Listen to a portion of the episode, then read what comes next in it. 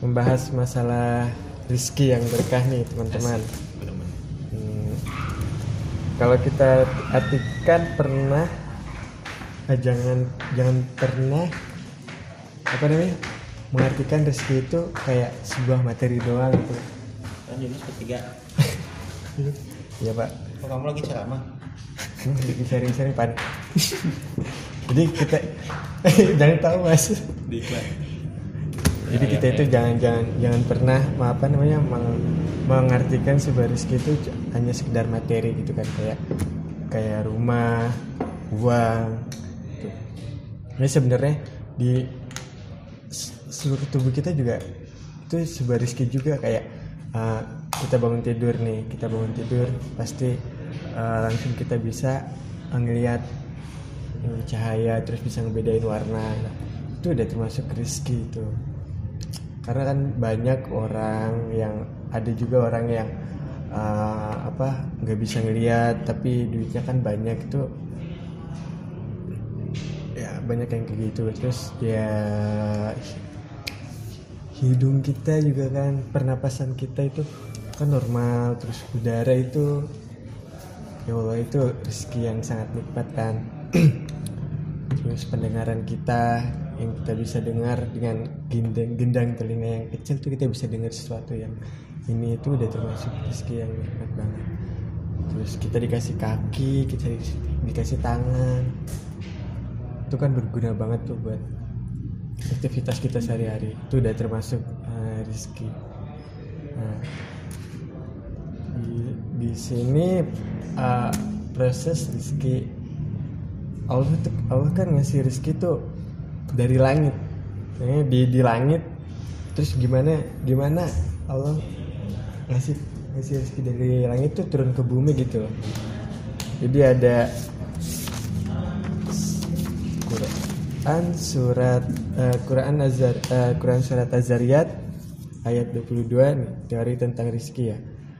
Wa fi samai rizqukum wa ma tu'adun. Ah, artinya dan di langit terdapat sebab-sebab rizkimu dan apa yang dijanjikan kepadamu.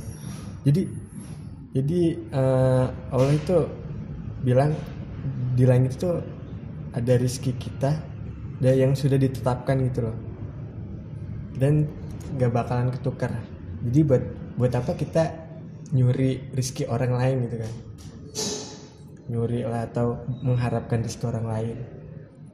Nggak enak juga kan nyuri ri- nyuri rizki orang lain ya enaknya di awal tapi kita harus repot-repot bakalan kayak kerasa bersalah gitu. Kayak misalkan Mas Aprizal ke masjid nih paling sendal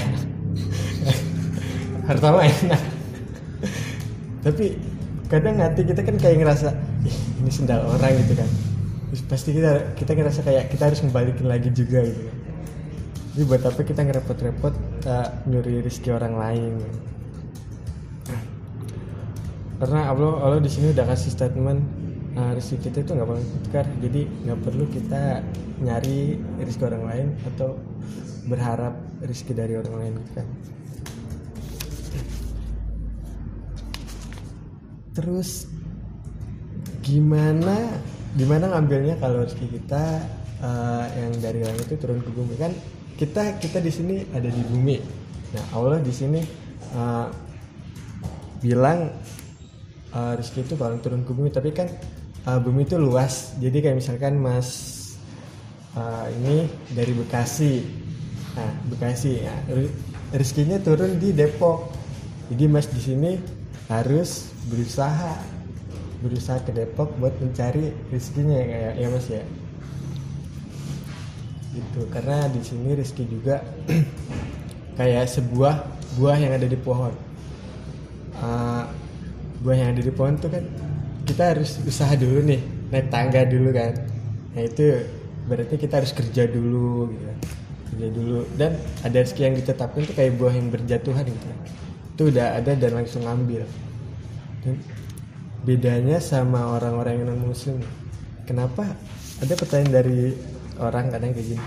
Ada yang ada orang yang bertanya tuh "Ah, ya Allah kami minta keadilan ada non muslim dia tidak sholat tidak puasa tidak bayar zakat masa bisa dapat kemudahan sih dalam mencari rezeki kan? Terus, sedangkan kami yang yang sholat yang eh, puasa ibadah harusnya ada kemudahan rezekinya kan? Gitu.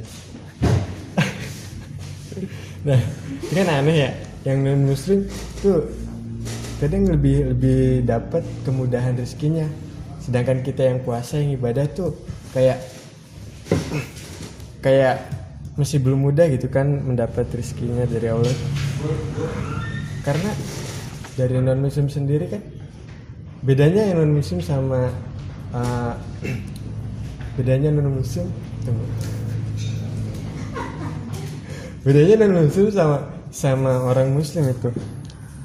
Kalau orang muslim ngambil buah yang berjatuhan itu kita pasti mensortir yang bagus kan nah yang halalnya gitu kan kalau yang non muslim itu semuanya diambil mau yang haram mau yang mau yang halal kan semuanya diambil jadi bedanya gitu karena orang-orang yang beriman itu otomatis dengan imannya tuh akan menuntun dia kerja mencari yang halal Masya Allah. Allah Kamu karom. Abu Karom di sini banyak banget sih sebenarnya. Khususnya aku nggak bisa nyatet eh, satu-satunya karena materinya kan banyak. Udah sekian aja dari saya. Mungkin segini aja.